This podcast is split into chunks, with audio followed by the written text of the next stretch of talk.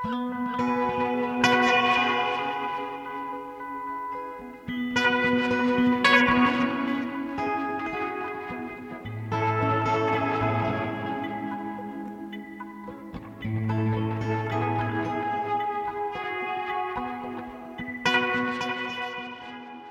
sæl og blessuð, hlustendu góðir. Við sjá helsar og jafnframt Guðni Tómasson á þessum þriðu degi 11. april að loknum páskum. Í þætti dagsins þrjármerkar konur, Ófelia í tjörninni, Anna Mendieta og Sandy Denny. Við segjum ykkur frá síningu í Tate-safninu í London. The Rosettis heitir hún.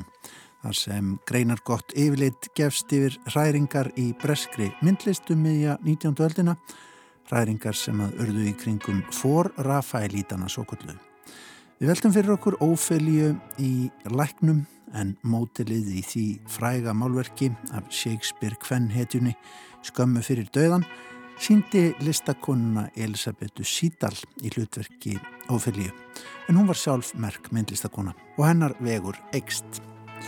Svo reyfum við upp umfjöllun höllu um kúbansk bandarísku myndlistakonuna Unu Mundieta en döiði hennar á sínum tíma var mikil ráðgáta í bandarísku listalífi og vekur ennspurningar. Og loks kemur Teitur Magnússon tónlistamæður í heimsók til okkar með sinn annan pistil um glataða snillinga. Teitur fjallar í dag um Sandy Denny, þjóðlega söngkonuna Bresku. En við byrjum við lækin.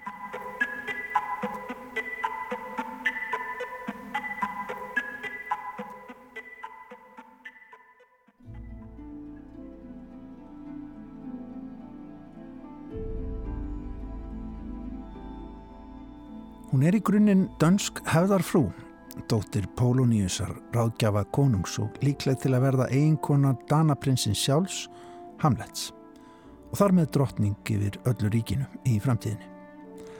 En örlögin hafa annað í hyggju fyrir unga parið. Störlunin sækir að þeim báðum.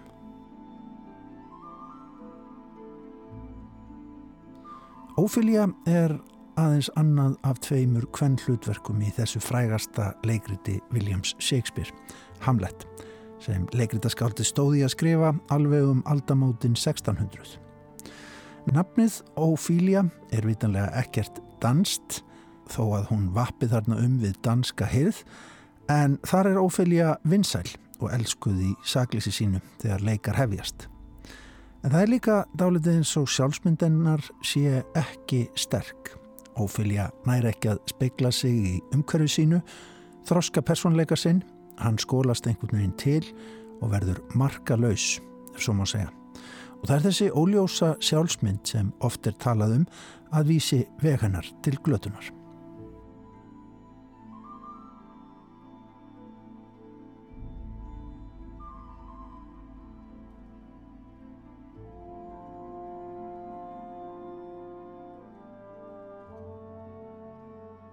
Á tímum leikskáldsins enska er vitað að það var Richard Burbage sem að leik danska prinsinn Hamlet.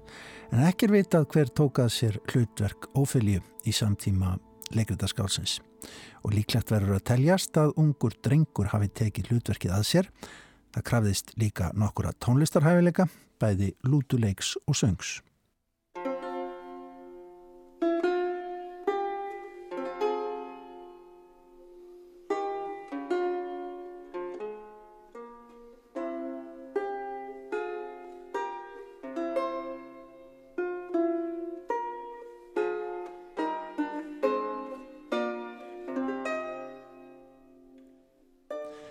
En síðan þegar konur fóru að leika Ófíliu var til eins konar mót sem leikonurnar voru einlega stiftar í.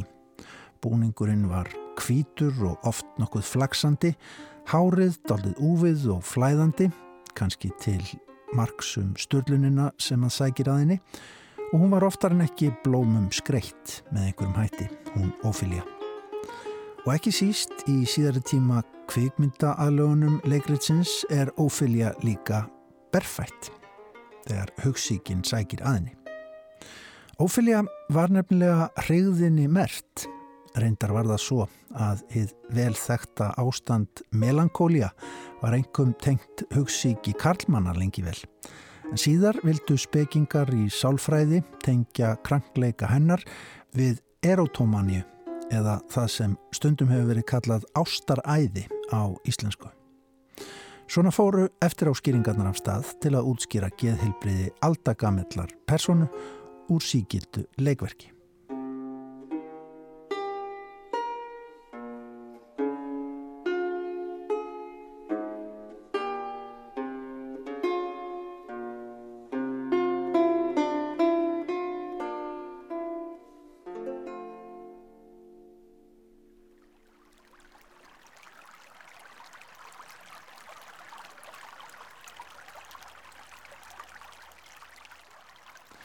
Svo er það málverkin af Ófilíu sem að listasagan skilur eftir sig.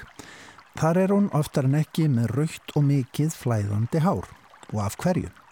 Jú, það er arfur frá breskri myndlist, þeim hópi sem á 19. öldinni kendu sig og list sína við For Rafaelita, Pre-Rafaelites. Þetta var einlega bræðralag enskra myndlistarmanna, skálda og listgagrinanda sem kom til sögunar um miðja öldina nánar tiltekið árið 1848 en að bræðralæginu stóðu í fyrstu sjö menn, allt kartmenn, William Holman Hunt, John Everett Millay, Dante Gabriel Rossetti, William Michael Rossetti, James Collinson, Frederick George Stevens og Thomas Woolner. Í reynd var hópurinn eitthvað starri þar lættust inn fleiri í myndina, til dæmis einn kona, Mari Spartali Stillman sem átti allra lengsta ferilinn af öllum þeim sem komað sögur hefingarinnar á sviði listarinnar. Listferill hennar spannaði um 60 ár. Síðar átti Íslandsvinnurinn William Morris eftir að verða fyrir áhrifum frá þessum listspekiljóðu þöngum. Takmarkið hjá fór Rafaelítunum var að snúa aftur að nákvæmri, skraudleri, litiríkri og flókinni myndsamsetningu sem finna mátti í myndlist 15. aldar á Ítalju og litur listamennir þannig á söguna að akademísk fáun listamanna á borðið Rafael og Michelangelo hefði spilt fyrir myndlistinni og því vildu þeir snúa sögunni við fara framfyrir, já eða afturfyrir Rafael á tíma ás listasögunar eftir því hvernig við lítum á að hann snúi. Og eitt allra þekktasta listaverkið sem fór Rafaelitismin sem liststefna skildi eftir sig er einmitt málverk af Ófíliu og dauða hennar.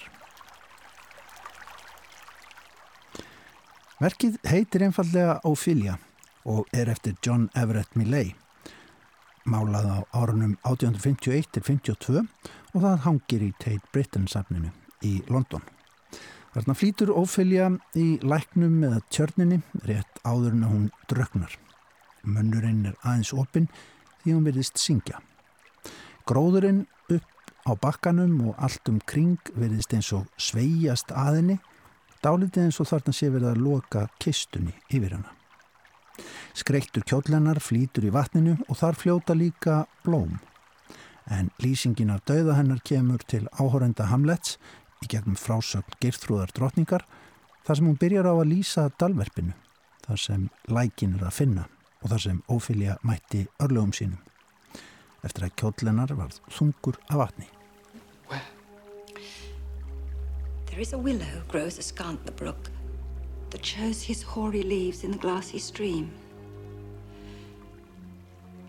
Therewith fantastic garlands did she make of crowflowers, nettles, daisies, and long purples. That Liberal shepherds give a grosser name — but our cold maids do dead men's fingers call them. There on the pendant boughs, a crownet weeds, clambering to hang, an envious sliver broke, when down her weedy trophies and herself fell in the weeping brook. Her clothes spread wide and mermaid-like, a while they bore her up.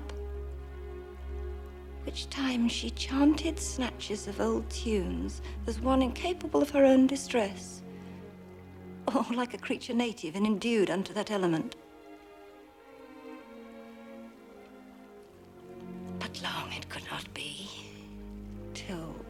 Garments, heavy with their drink, pulled the poor wretch from her melodious lay to muddy death. Frækt er að málarinn John Everett Millay fekk fyrirsætu sína Elisabetu Siddal til að leggjast í baðkar þegar hann málaði myndina. Vassflöturinn skreittur blómum. Hún var þá 22 ára og orðin eins konar músa margra málaranna sem kentu sig við fór rafælítana. Þá átti Sídal aðeins eftir tíu ár ólefuð, hún lést 32 ára eftir erfið andleg veikindi og var háð lódanum, ópíum afleiðu, sem var notuð til allskynns líkamleira og andleira leðrættinga á þessum árum. En nú er hægt á síningu í Tate Modern safninu í London að komast nær fleiri leikurum í þessu tímabili breskrar myndlistar en verið hefur. Síningin sem opnu var í síðustu viku heitir The Rossettis. En þar er vísað til kynnslóðurinnar sem raðaði sér upp í kringum þekktasta listmálaran í hópnum, mannin með flottanafnið Dante Gabriel Rossetti. Afstafa þessa hóps til ástar, lífstíls og listar þótti byltingakenda á sínum tíma og á nýju síningunni eru allskynns heimildir dregnar saman, full kláruð myndlist auðvita en líka skissurs, ljósmyndir, hönnunagripir, sendibref og ljóð, svo eitthvað sé nefnd. Dante Gabriel Rossetti er í forgrunni síningarinnar sem er svo stærsta á verkumann sem áratuga skeið. En þarna líka bröðuð upp skýribyrtu á verk Elisabetar Sítal, stúlkunar sem laðist í baðkarið til að leika ófelju, á vasslitamindir hennar og mikilvægar teknikar. Og í The Guardian á dögunum var fjallað um hennar hlut í þessu öllu saman. Nú er hægt að leggja mat á það feililega, segir þar, hver hún var, hún Elisabeth Sítal, og hverju hún áorkaði sem mikilvægur listamæður á þessu tíma skeiði í millistasögunni.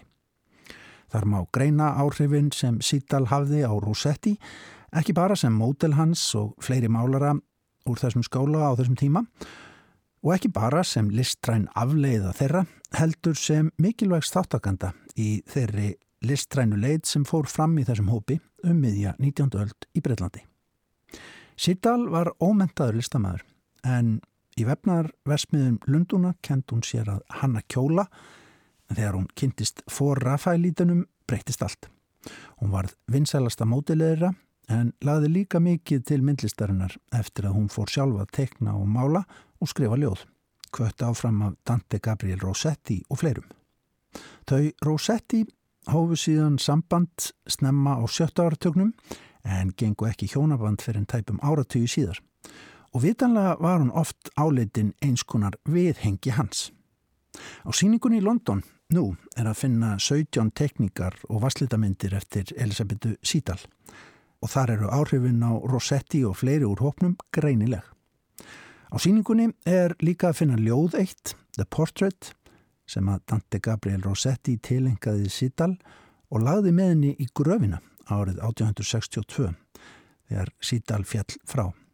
Sjö árum síðar, ótrúlegt en satt, var gröfin opnuð og háskólinn í Delaware í bandaríkjanum átti lengi í sínu sapni þetta einhandarrið málarans sem nú gefur að líta á síningunni í teiti.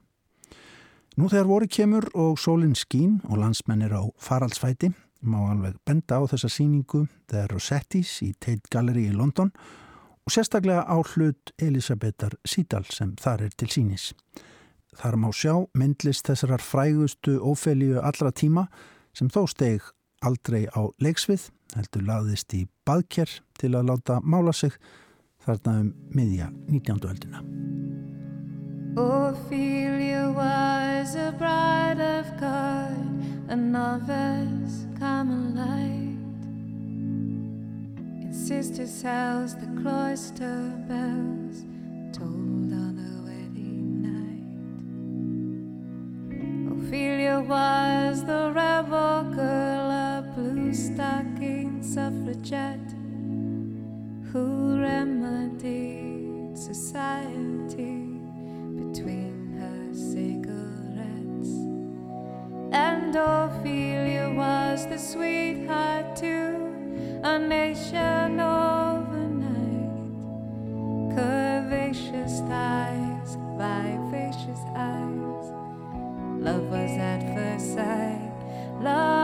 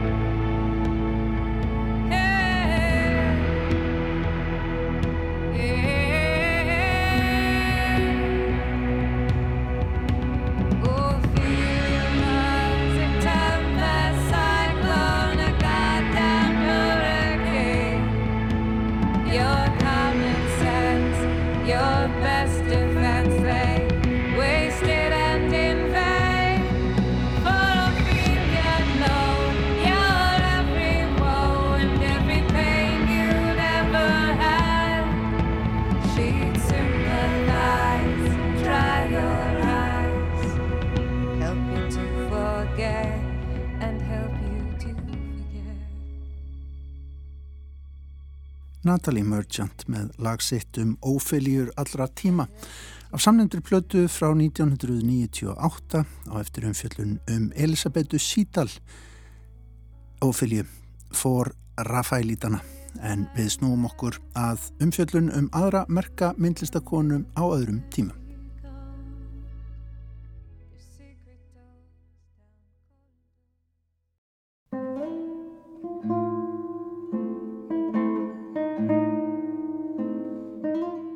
Anna Mendieta og Karl Andrei voru eitt heitasta par New York listasinnunar við upphaf 8. áratugurins.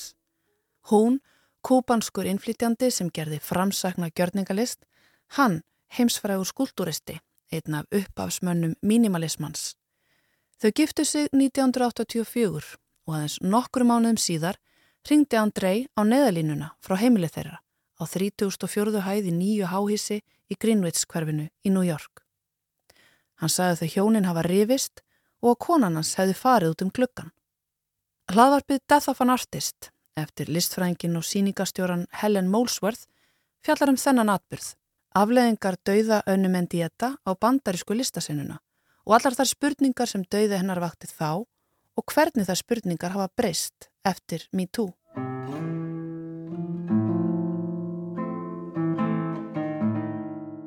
Anna Mendieta var fætt í Havana á Kúbu 1948 en flutti til Bandaríkjana þegar hún var unglingur.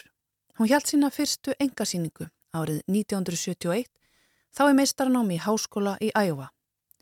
Sjálf líst hún verkum sínum sem Earth Body Art þar sem að líkaminn var hennar helsti efniviður og oft í samtali við landslag. Mendieta skrásetti gjörninga sína með ljósmyndum. Í einum þeirra er hún þakin leir og samvaksinn tre Í öðrum hefur hún nakin, hálf grafið sig ofin í jörðina, skreitt sem er gróðri, steinum, mold og laufum. Hún notaði oft fjarlaga rætur sínar, alþýðlist og trúabröð sem efni við.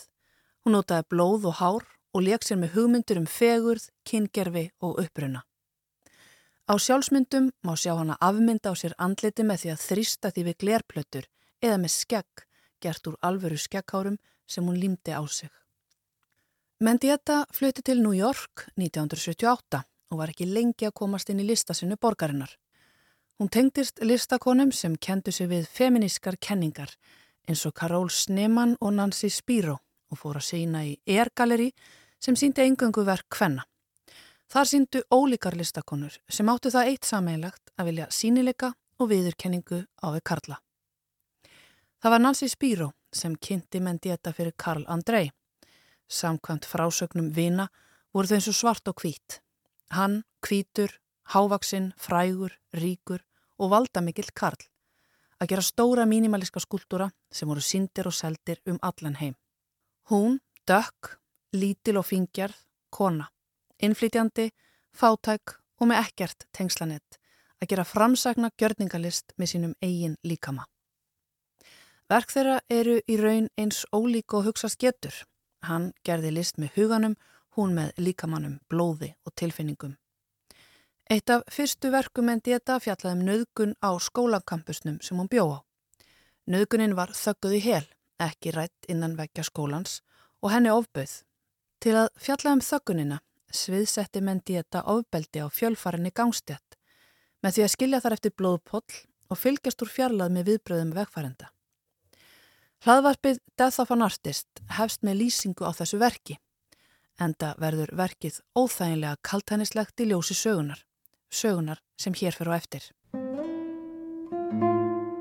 Nokkru mánuðum eftir að Mendieta og Andrei giftu sig fóru út að borða með vinnu sínum. Þar á meðal Nancy Spiro sem lísti þeim sem hamingisömu og afslöpuðu pari þetta kvöld. Fjórum dögur síðar fannst Mendieta látin á þakki veitingastæðar, 33 hæðum fyrir niðan íbúðunæðira. Símtal Andreis í neðalínuna er flutt í hlaðvarpstættinum en það er sviðsett eftir afriti úr dómskögnunum. Það hljómar svona. Again, my wife has committed suicide. Carl gives the address, his phone number, and says they're on the 34th floor. The operator asks, What happened exactly? happened was uh, we had a. My wife is an artist, and I, am an artist, and we had a quarrel about the fact that I was more um, exposed to the public than she was, and she, she went to the bedroom, and I went after her, and she, she went out of the window. She jumped out of the window. How long ago did this happen? Well, I, I don't, I don't know. I don't know. I, I don't know. It was. Uh, okay, I don't. don't I don't know. know. They talked for several more seconds. Did it happen recently? Did it happen just now? No, it, it happened just now. I mean, I, I can't, I can't Kona mín framti sjálfsmorð. Konan mín er listamæður og ég er listamæður. Við vorum að rýfast um það að ég var í sínilegri en hún í listaheiminum. Og svo fór hún inn í svefnærbyggið og ég eld hana og hún fór út um gluggan. Og svo framvegis. Frásögnin átti eftir að breytast nokkrum sinnum. En Andrei hjælt áfram að segja Mendieta hafa framið sjálfsmorð. En þau sem þekktu hana sögðu það fráleita skýringu. Mendieta hafi verið lífsglöð og með hugmyndir og plön um framtíðina. Þessu utan vissu allir sem hana þekktu hversu loftrætt hún var. Glugginn sem hún fjall út um var ekki einungis á 3004. hæð, heldur var gluggakistan líka hátt uppi í brjósthæð, svo það var í raun ekki möguleiki að hún hefði fengið sér sæti þar, hvað þá að hún geti dottið þar út. Þegar lauraglan mætt á staðin var íbúðin í rúst og Andrei með klóruför í andliti og höndum. Og hann sagði aðra sögu en hann sagði neyðalínunni. Dýravörður húsins sagðist að hafa heyrt konu öskra nei, stuttu áður en hann heyrði eitthvað falla á þakið á veitingastæðnum við hlið húsins. Andrei var handtekinn og ákjörður fyrir morð en þá fór feðraveldismaskinan í gang. Ríkir og valdamiklir vinir stegu fram með peninga og tengsl. Menn á borðið Lorenz Wiener, Frank Stella og Sóle Witt töluðu máli hans, niftu í hina á þessa spotta, reðu dýra lögfræðinga og leistu Andrei út gegn svimandi háu gjaldi. Til að gera langasögu stutta þá var Andrei að lokum síknaður á þeim grundvelli að það vantaði sönnunarkagn. Í laðvarpinu er bent á frásagnir vina sem vissu af ósætti þeirra hjóna, rifrildum, mikillir drikju og framhjóhaldi Andrei. Menn Dieta hugðist sækja um skilnað, sama kvöld og hún datt út um klukkan. Lögfræðingur Andrei mætti á vettvang glæpsins á undan lögreglunni, pappirar hurfu og svo framvegs og svo framvegs. Það var allt rámt við það hvernig réttakerfið tóka málinu, segir B. Ruby Ritz, vinkona Menn Dieta feminísk fræðikona og bladamæður á einum stað í hlaðvarpinu. Eitt af því sem að henni þótti allra verst var hvernig lögfræðingar Andrei nótuðu listaverk með dieta sem raukstuðning fyrir sjálfsmorði, með vísunum í vútu og galdra. Og nótuðu þar með elsta triksið í bókinni þegar kemur að því að sakfella konur, að líkinni við Nord, móðursjúka Nord. Það er í raun algjörlega ótrúlegt að hlusta á hversu miklu var sópað undir teppi í rannsókninni og hver illa hún var unnin. Og þó, þegar frægar personur og leikandur eru tekin út fyrir svega, er hér um að ræða klassíst heimilisofbeldismál, þar sem að ofbeldismadurinn kemst í allt of stórum hluta tilfella upp með verknaðin. Emmitt vegna skorts á sönnunum. Það verið eitthvað vatn runni til sjávar frá því árið 1984 innan rama lagana, en það var auðvitað orðið strömmkverf í því hvernig við tölum um ofbeldi að konum þökk sem í tú. Þess vegna er svo mikilvægt að rifja málið upp í dag og hlaðvarpið varpar ljósi á það. Í dag vitu við að 90% kvenna sem myrtar er í bandaríkjónum falla fyrir hendi einhver sem þar þekkja og að 90% þeirra eru myrtar án þess að nokkur verði vitni af því. Og við vitum líka að réttarkjörfið er ekki hannað með þessar konur í huga, heldur er það hannað til að vernda fólk með völd. Dauði Mendieta varpar ljósi á það og hér er eitt dæmi á mörgum. Eitt sönnunargagnana sem lögð voru fram í málinu var mæling á áfengismagni í blóði lífana líkama Mendieta. Mælingin síndi að hún var drukkin þegar hún fjall sem á að íta undir ábyrð hennar. Áfengismagnið í Karl Andrei var aftur á móti aldrei mælt.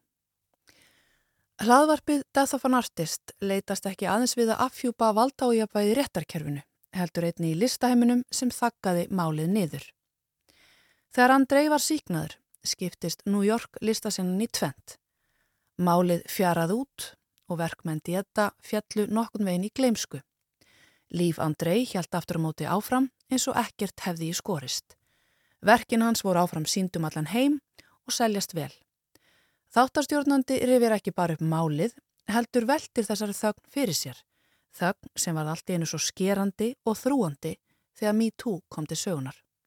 Molesworth notar gamalt efni tekur við töl meðal annars við gaggrinendur og bladamenn hjá New York blöðunum og Robert Katz sem skrifaði bókumálið á sínum tíma. Einnið er rætt við meðlimi í Guerrilla Girls listakollektífinu en þær hafaði gegnum tíðina ávarpað þögnina sem umlikur örlög Mendieta. Eitt af því sem að þær gerðu til að vekja aðtikla málinu var að draga það aftur inn í umræðina þegar bandaríska íþróttastjarnan O.J. Simpson var síknaður af að hafa myrt eiginkonu sína. Þá byggu Gerilla Girls til plaggat sem síndi tvær ljósmyndir, aðra af O.J. Simpson og hina af Karl Andrei. Fyrir neðan mátti lesa eina spurningu. Hvað eiga þessir menn sameigilegt? Þáttarstjórnandi notar líka sína eiginsögu sem efni við, en hún er vel þekktur listfræðingur og síningastjóri frá Los Angeles. Hún lýsir því hvernig Karl Andrei og mínimalistarnir allir hafi hitlaðan upp úr skónum þegar hún var að læra listasögu á nýjanda áratögnum. Þetta voru menn, allir karlmenn, sem umbreyttu sín okkar á högmyndina með djúbvitrum og heimsbyggilegum vangaveltum. Þetta sneri samt ekki bara um verkin sjálf, heldur þá, mennina, þeir voru hetjur, snillingar. Þegar þáttastjórnandi fór svo að gera það sem að síningastjórar vinna við, að velja og hafna verkum fyrir stóra síningar og setja verk Andrei fram, fór mórallin aðeins í mínus. Hvað með myndi þetta? Af hverju er hún bara neðanmálskrein í sögu Andrei? Hverjum þjónar það að útlöka menn dieta og sögu Andrei? Hverjum þjónar þögnin og hver ber ábyrð á þögninni? Og í kjálfarið poppar auðvitað upp spurningin sem hefur alltaf verið til staðar en sem er farin að knýja ansi oft dyrra á síðustu missurum. Er hægt að aðskilja listamannin frá listinni sem hann skapar? Í tilfelli þáttastjórnanda sem hefur alltaf verið hillu að verkum Andrei og menn dieta er spurningi þessi. Er hægt að elska verk þeirra begja? Laðarpserían hefst eins og fyrir sáði á verki menn dieta sem sviðsetur ofbeldi út á götu með blóðpolli á fjölfarinni gangstétt. Serían enda á því að þáttastjórnandi heimsækir bygginguna þar sem að menn dieta ljast, þar sem Andrei býr ennþanda í dag. Hún hefur reynd án árangursan á sambandi við hann og gerir lokatilrun hjá húsverðinum. Það tekst ekki. Henni verður óhjákamilega að hugsa til blóðpolsins í verki menn dieta sem vegfærandur sáu ekki eða þóttust ekki sjá. Í þetta sinn ætlar hún ekki að líta undan. Og hvað? Er hægt að aðskilja listamannin listinni sem hann skapar? Það lítur að fara eftir hver horfir. Þögnin lítur að útiloka fullan skilningaðu upplifun og það lítur að vera ábyrðahluti þeirra sem umgangast listaverk, starfa í þáu þeirra og fjalla um þau að samikið hlutana sé ekki sett í ósynlega neðamálskrein. Þannig geta þau sem að njóta og neyta lista tekið upplýsta afstöðu. Ég veit fyrir mitt leiti að næst er ég sé verk eftir Karl Andrei sem að mér hafa alltaf þótt spennandi, fögur, djúbvitur og heillandi, þá munu áhrif þeirra verða önnur en áður. Ég efast um að ég fara á heimsbyggilegt flug með verkinu. Ég ímynda mér að hugurinn leiti frekar til önnum en dieta sem var nýfarin og spennandi slóður í listinni þegar hún ljast. Hún hafði nýlókið við árs vinnutvölu í Róm og farin að gera ný verk sem auðvitað engin veit hvernig hefði þróast. Og hún upplisti vinkonu sína stutta eftir heimkominu til New York um að nú myndi hún hætta að drekka á reykja þar sem að konur fengi svo seint viðurkenningu í listheiminum yrði hún að halda helsu til að lifa það að verða loks viðurkend í ellinni. Saði Halla Harðardóttir um önu Mendieta. En þá er hingað komin Teitur Magnússon tónlistamæður með annan pistil sinn um glataða snillinga tónlistarinnar. Við gefum Teiti orðið. Í síðasta pisli var fjallaðum bandariska þjólaðarokkaran Gene Clark sem hafði tölu verið áhrif á þróun dægulega tónlistar á 7. og 8. áratug síðustu aldar. En að þessu sinni ætlum við að líta okkur nær, stökka yfir allandsála og aðtuga hvað var að gerast á Breitlandseginum um svipaleiti. Catch a boat to England, baby, maybe to Spain. Wherever I have gone, wherever I've been and gone, wherever I have gone, the blues are all the same.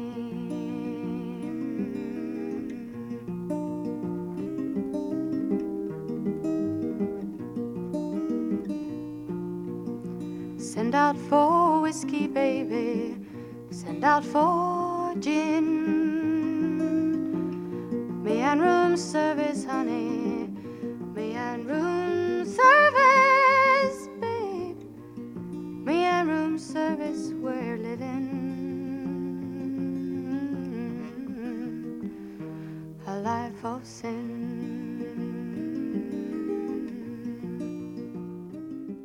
Þetta er hún Sandy Denny, stundum kölluð drottning þjóðlagaróksins. Hún er í miklu uppáldi hjá Robert Plant og Nina Simone var einnig aðdándi. En fáir þekkja til hennar í dag og því er hún hér til umfyllunar í pislaröðinni Glataðir snillingar.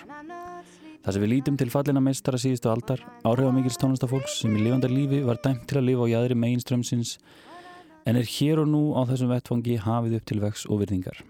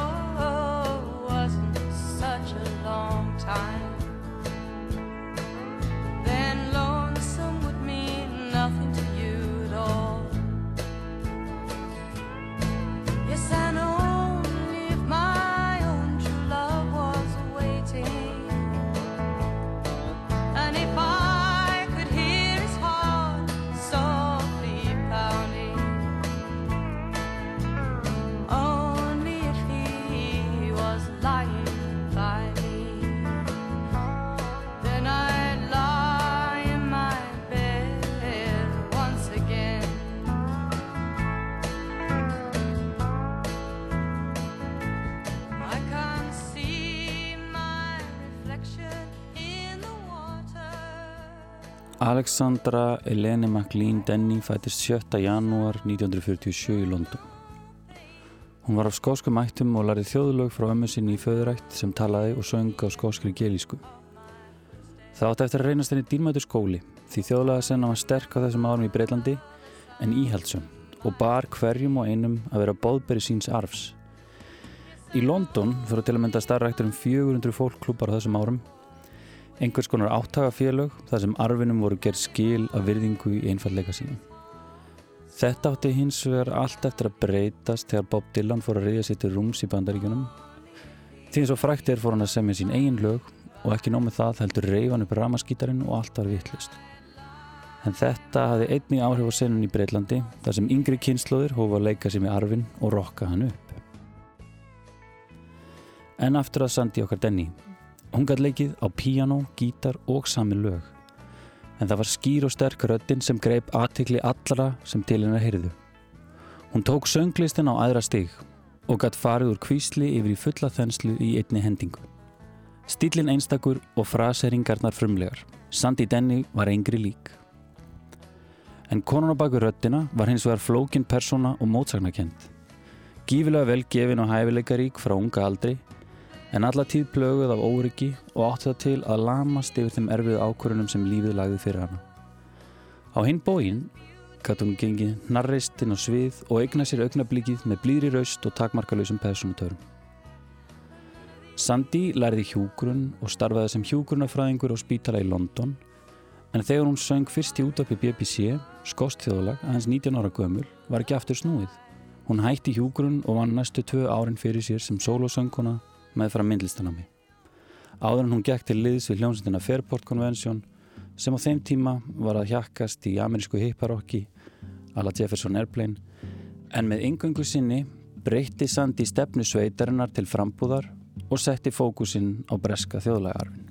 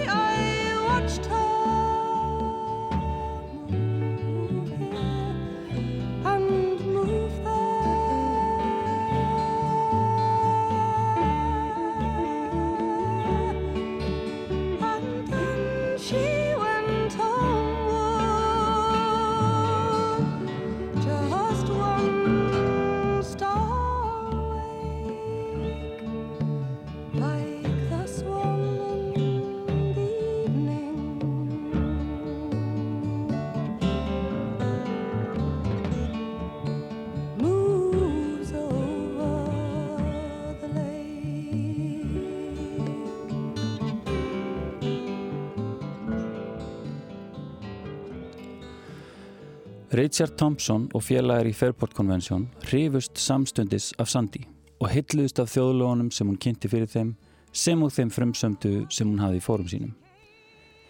Eitt fyrsta lægið sem hún samti og það frægasta er Who Knows Where the Time Goes.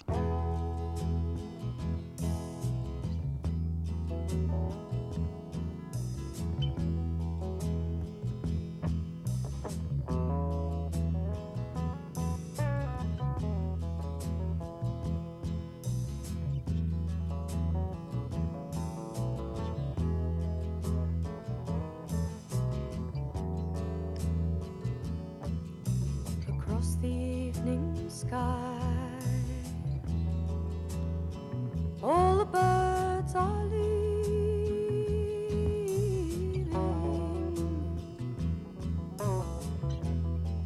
but how can they know? It's time for them.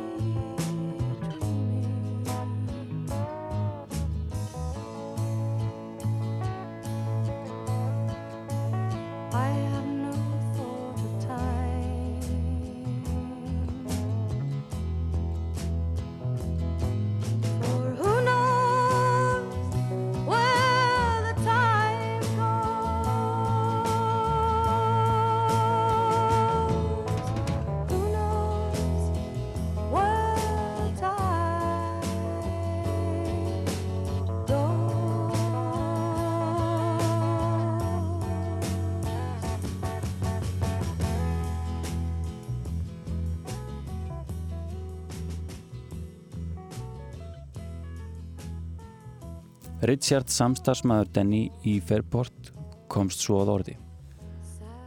Denny holdgerði karakterana í lögunum sem hún söng. Sál hennar tók sér bólföstu í þeim og röttin miðlaði kjarnanum tært og einlæglega til að eirna áhörenda svo eftir var tekið og verið seint leikið eftir. Þetta gat hún því hún hafði upplugt í ímyndunarafl en engan skjöld. Það er að segja þunnan skráp og var því ofurnægum á umheimin. Linda Thompson, eigin og samstagskona Richards, hafði þetta að segja. Sandík að tekið ægafort lag og glætta nýju lífi. Töfrarnir lág í fallegum og frumlegum fraseringum þar sem hún laði áherslur og orðin á óvinnlegum stöðum. Þess má geta að Sandy komst snemma í náinn kynni við bandarska söngaskáldið Jackson C. Frank á Sokabands árunum í Folksinu Lunduna og hvati hann hana eindreiði til að semja sín eigin lög. En hann samti nota beni lægið sem við heyrðum Sandy syngja hér í upphafi þáttar Blues Runs the Game. Hún má segja að Jackson hafi einnig verið glataður snillingur í lifanda lífi en það er efni í annan pistil. Sandy og félagar í Fairport skópu sem sé breska fólkrokkið og gerðu geggjar plötur en eftir mannabreitingar, bílslis og listræna ágreininga hætti Sandy og stopnaði hljómsveitina Fotheringay með tilvonandi eiginmanni sínum ástralska tónlistamannunum Trevor Lucas. Það var skamlífsveit og þótti mörgum að Sandy væri að taka niður fyrir sig og ætti að láta bandið gossa en það var sem hún ætti erfitt með að standa á einn fótum og fann öryggi í því að hafa vini og fólk sem hún treysti með sér á sviði og með sér í liði. Þó þetta væri ekki endilega bestu músinkætandir sem völ var á. En á endanum höfðu umbósmennir og útgáfi fyrirtækin yfirhöndina og Sandi fór að lokum solo og tók hnögróttur ferill og fjárhags áökjur við. En alltaf var hún þó óumdenanlega mögnusönguna og fór það svo að Robert Plant og félagar báðu hann að syngja inn á fjörðu Zeppelin-blötuna inn á lagið Battle of Evermore og er hún þess heiðus aðnjóðandi að vera eini gestasöngvari til að koma fram á nokkru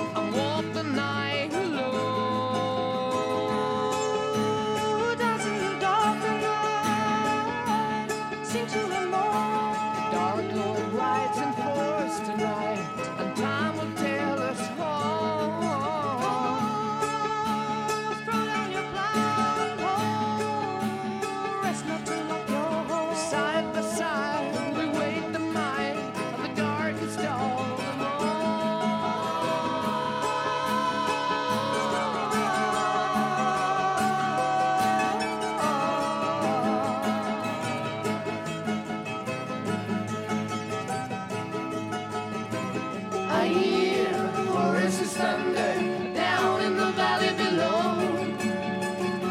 I'm waiting for the angels of Babylon, waiting for the eastern glow. The apples of the valley, oh, all the seeds of happiness. The ground is rich from tender care, repay do not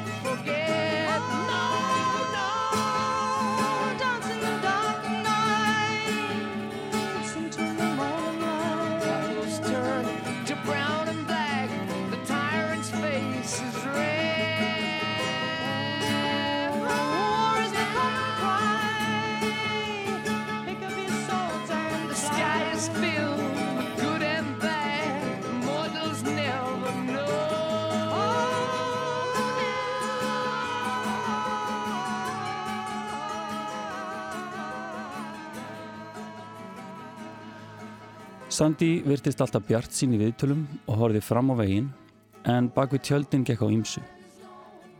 Og eftir réttrum hann áratögi bransanum lest hún skindilega árið 1978.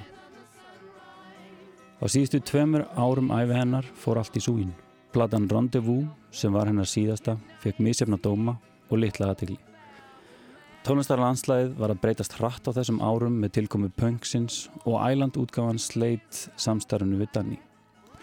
Hjónabandi við Trevor var einnig að gliðina á sama tíma og Sandy var barðsamandi. Eftir barðspurðin var hann plöguð af fæðingarþunglindi og drikjan jógst.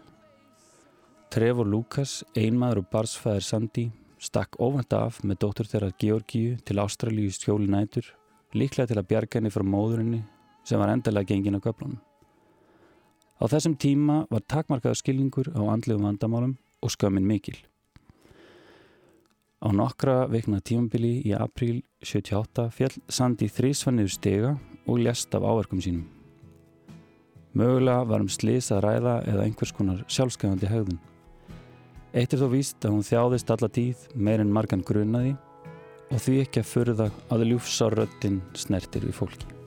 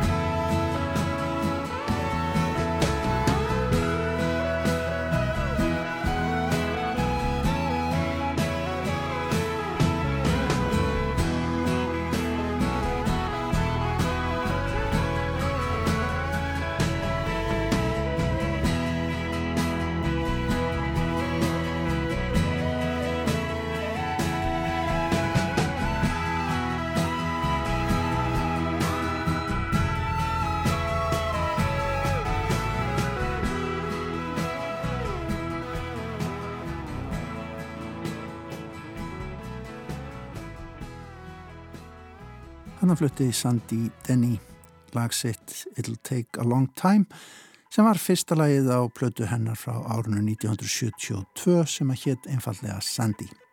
Með þessum Pistli Teits Magnússonar um glataða snillinga ljúkum við viðsjá í dag ágættu hlustendur. Vendum á að þáttinn er alltaf að finna inn á spilararúf eins og svo margt annað úr dagskrára ásar reitt, til dæmis páskadagskrána eins og hún leggur sig nánast. Takk fyrir semfélgdana í dag hlustendur verið í sæl.